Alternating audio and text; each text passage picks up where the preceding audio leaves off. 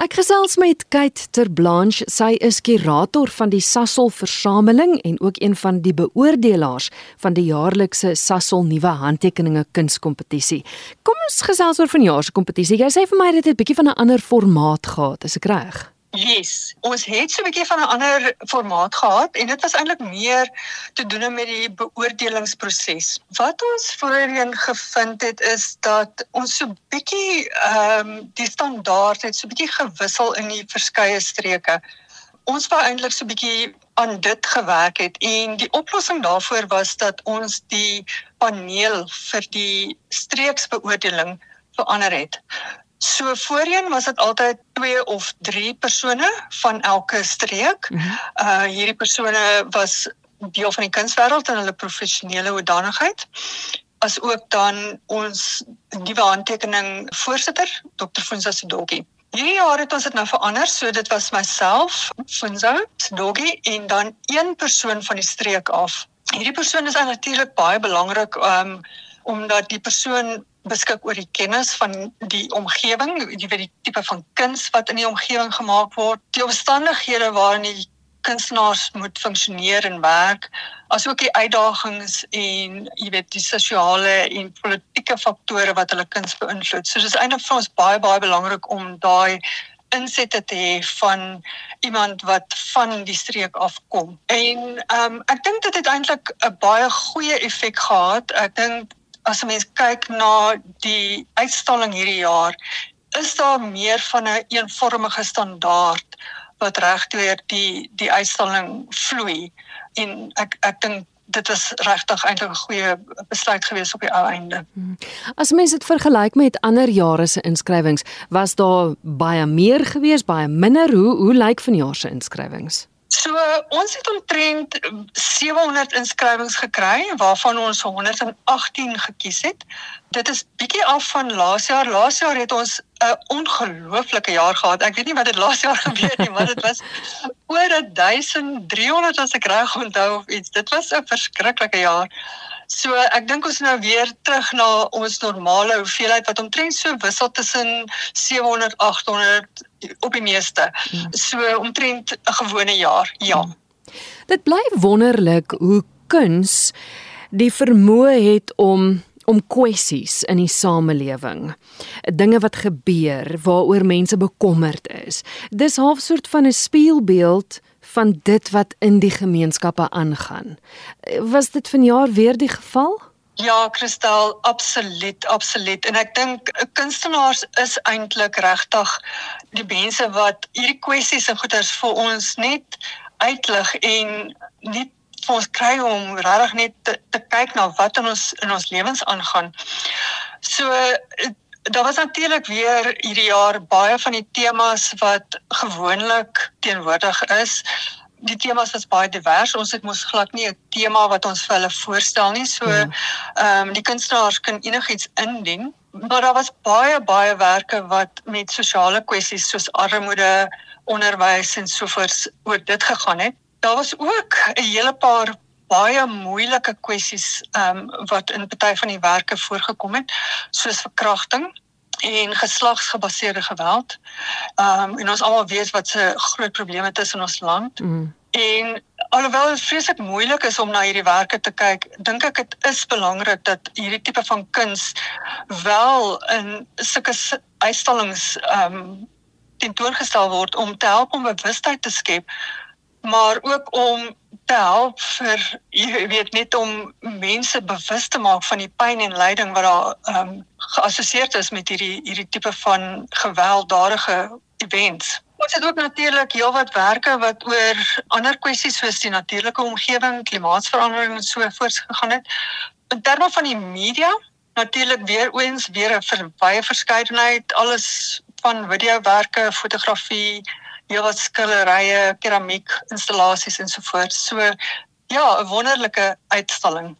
Gepraat van van medium wat gebruik is, ek wil my verstou deur om te sê dat vanjaar se wenner het juis 'n medium gebruik wat baie lank terug in 'n wenwerk gebruik is, keramiek. Dis gewoonlik mos skilderye of so wat wen, maar vanjaar se wenner het 'n keramiek installasie.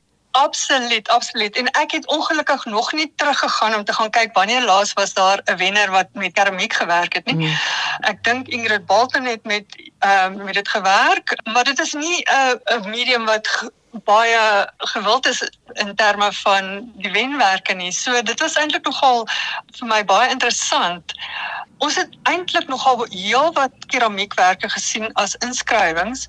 Maar wat interessant was is dat die tipe van werk dat begin afwyk van die tradisionele werke wat ons assosieer met keramiek. Ehm um, die tipe van meer dekoratiewe uh, objekte wat miskien een of ander die glasuur het uh, een of ander betekenis of daar's 'n storie of iets is op daai objek. So wat ons nou hierdie jaar eintlik gesien het is dat die keramiek eintlik begin deel word van die betekenis van die werk. Ehm um, dat dit 'n baie belangrike aspek van van die werk is en dit is nogal 'n interessante vertrekpunt. Ja, verduidelik gou vir die luisteraars. Uh, eerstens vertel ons wie is die wenner en dan ook hoe die werk lyk. Okay, so ons ehm um, wenner is Nosiviwe Matekinka. Nosiviwe is van Quebec af of GQ soos hulle nou glo PE noem.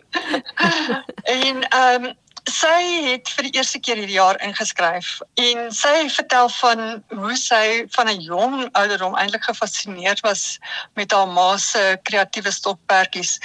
Haar ma het huis toe gekom met allerlei tipe van kunsmateriale en goeders en ehm um, sy het net begin speel met dit en dit het vir haar 'n passie begin word en gedurende uh, COVID het sy besluit dat sy wel gaan die kunste eh, 'n uh, lewe begin begin maak uit kunste en sy het begin studeer by die Universiteit Nelson Mandela Universiteit. Nosse VOS se werk is getitel In the Piwe. They were given to me. En dit verwys eintlik na skooliere wat in minder gegoede areas bly waar die ouers baie keer nie die finansiële middele het om vir hulle kinders nuwe skoolskoene te koop nie. Die kinders moet ehm um, skoene dra wat aan hulle gegee word deur vriende of familielede en al is die skoene nie meer in die beste toestand nie, word die skoene bitter moeilik weggegooi, amper nooit nie. En dit word elke keer net aangegee, deurgegee na die volgende kind tot hulle heeltemal uitmekaar uitval. En hierdie is van die skoene wat sy met ons gedeel het. Sy het in die begin van haar studies, het sy studiejaar het sy probeer om fisiese skoene te kry vir haar vir haar werk. Maar sy sê dit was eintlik baie moeilik want baie van die families alhoewel die skoene vir meeste mense lyk asof niemand dit kan meer kan dra nie, dis vol gate en gebreek, die sole is gebreek. Wou die die families nie die skoene weggee nie want dit kon nog vir iemand werk. So dit is 'n baie baie hartseer werk eintlik. Die werk bestaan uit 5 pare skoene wat sy uit ehm um, gietklei keramiek gemaak het of ehm um, slipcast. Dit is nogal 'n uh, redelike broos medium as dit nie met glasuur gevier is nie. Maar dit is ook 'n baie tegniese proses, veral omdat die die skoene wat sy giet moes in verskeie ehm um, gedeeltes gegiet word en ehm um, om dan die skoene dan ook uit die vorms uit te haal sonder om die vorm te breek is ook nogal 'n tegniese proses. So sy het natuurlik die werk gewen eerstens op die tegniese aspekte en dan tweedens op die die konsep. Die skoene is so wit grys bruin geklei. Mense kry sommer 'n gevoel dat die skoene al baie baie baie ver geloop het. Dis 'n baie dun klei en dit is presiese replikas van die skoene wat sy van die verskillende um, skooliere gekry het wat die die die skoene op ehm, um, baie lae platform op die grond geïnstalleer en dit lyk omtrent kompleet asof die kinders sommer hulle skoene so by die klaskamer buite die klaskamer uitgetrek het en hulle net so laat staan. So mense kyk ook op 'n manier af op hierdie skoene is wat ook nogal 'n bietjie van 'n 'n kommentaar lewer oor hoe ons na mense kyk as hulle skoene eintlik nie jy weet as hulle skoene gebreke is. Mm. mm. Dis dan nou van die jaar se wenner. As ons kyk na die naaswenner. Dit is net so eintlik 'n besonderse medium want dit is met met gewone blou pen geteken. Dis ek reg, né? Dit is 'n ongelooflike werk ook. Tema Malageni van Kaapstad. Dit is 'n massiewe werk en ongelooflik realistiese tekening. Die die medium wat hy altyd gebruik is die die blou balpen pen en hy sê jy weet die die blou kleur is vir hom eintlik amper half ehm uh, dit dit laat hom dink aan 'n hemel, iets iets wat bietjie buite die sy lewe is, jy weet, iets wat vir hom hoop gee. Maar die blou kleur gee ook aan aan die sketse nogal 'n bietjie van 'n ander wêreldse gevoel.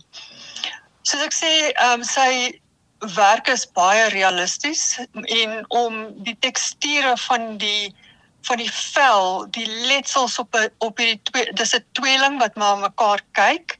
Ehm um, intussen hulle is daar 'n klein plantjie en die net die tekstuur van hulle vel en die letsels op hulle vel, die juwele, die gevlegte hare is absoluut ongelooflik en dit verg baie vaardigheid om om om dit reg te kry. So hy sê ook hy het al vandat hy 6 jaar oud is, ehm um, wat hy begin teken het en ehm um, dat hy homself die hele tyd eintlik regtig probeer challenge om homself beter beter en beter te kry. Mm.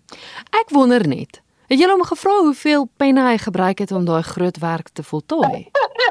ek dink hy hy koop hulle sommer groot maat. maar ek dink dit is is heel wat. Ek dink dit is baie. ja. Dan is daar ook 5 Merite wenners. As jy vinnig net gaga vir ons kan vertel wie hulle is en en miskien ook ook die mediums waarna hulle gewerk het. So ons het eers net ons um David uh, Blackburn van Johannesburg af en sy werk is 'n ook 'n realistiese skildery nogal baie interessant dat die realisme ook nogal baie tevore gekom het in hierdie kompetisie hierdie jaar. En sy werk handel regtig oor hoe plastiek eintlik ons planeet versmoor. Hmm. Dis dis 'n 'n wonderlike skildery ehm um, van 'n plastiek, 'n swart plastiek sak wat net 'n hele klomp plante basies versmoor. Ehm um, en is eintlik as 'n mens eers naby aan die die skildery kom dat 'n mens besef dat dit eintlik 'n uh, skildery is. Dis nie 'n werklike swart sak nie. Ehm um, so dit is een van ons Merite wenners. Dan het ons die volgende Merite wenner was Offensi Letebele, ehm um, of King Debs, dit is die naam waaronder hy skilder. En hierdie was ook vir my nogal 'n baie interessante werk want dit bestaan uit twee werke wat 'n mens saam kan sien of apart. Die kunstenaar het nogal 'n lang tyd gespeel met die idee van taal en woorde en hoe om sekere konsepte en objekte voor te stel sonder om die woorde letterlik te verteenwoordig en hy gebruik spesifiek kalligrafie vir vir sy werke. Diewerke is driedimensionele kalligrafiese werke.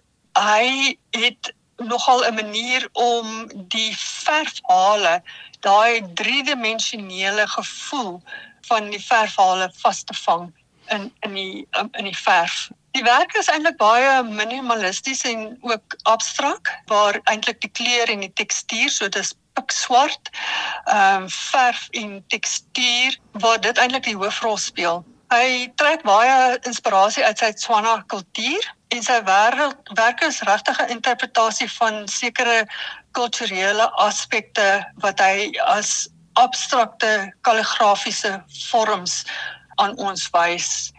Ehm um, so aan die een kant is dit wonderlik, jy weet, die, want die kyker kan regtig betrokke raak met die estetiese kwaliteite van die werk, maar dan sou ook 'n gevoel bietjie van van uitsluiting omdat die presiese betekenis van die werk is eerstens deur die kalligrafie versteek, ja. maar ook tweedens het ons nie redelik toegang vir daar's nie redelike toegang vir iemand wat nie kennis van die Tswana kultuur het nie. So ehm um, 'n baie baie interessante werk ehm um, van King Debs.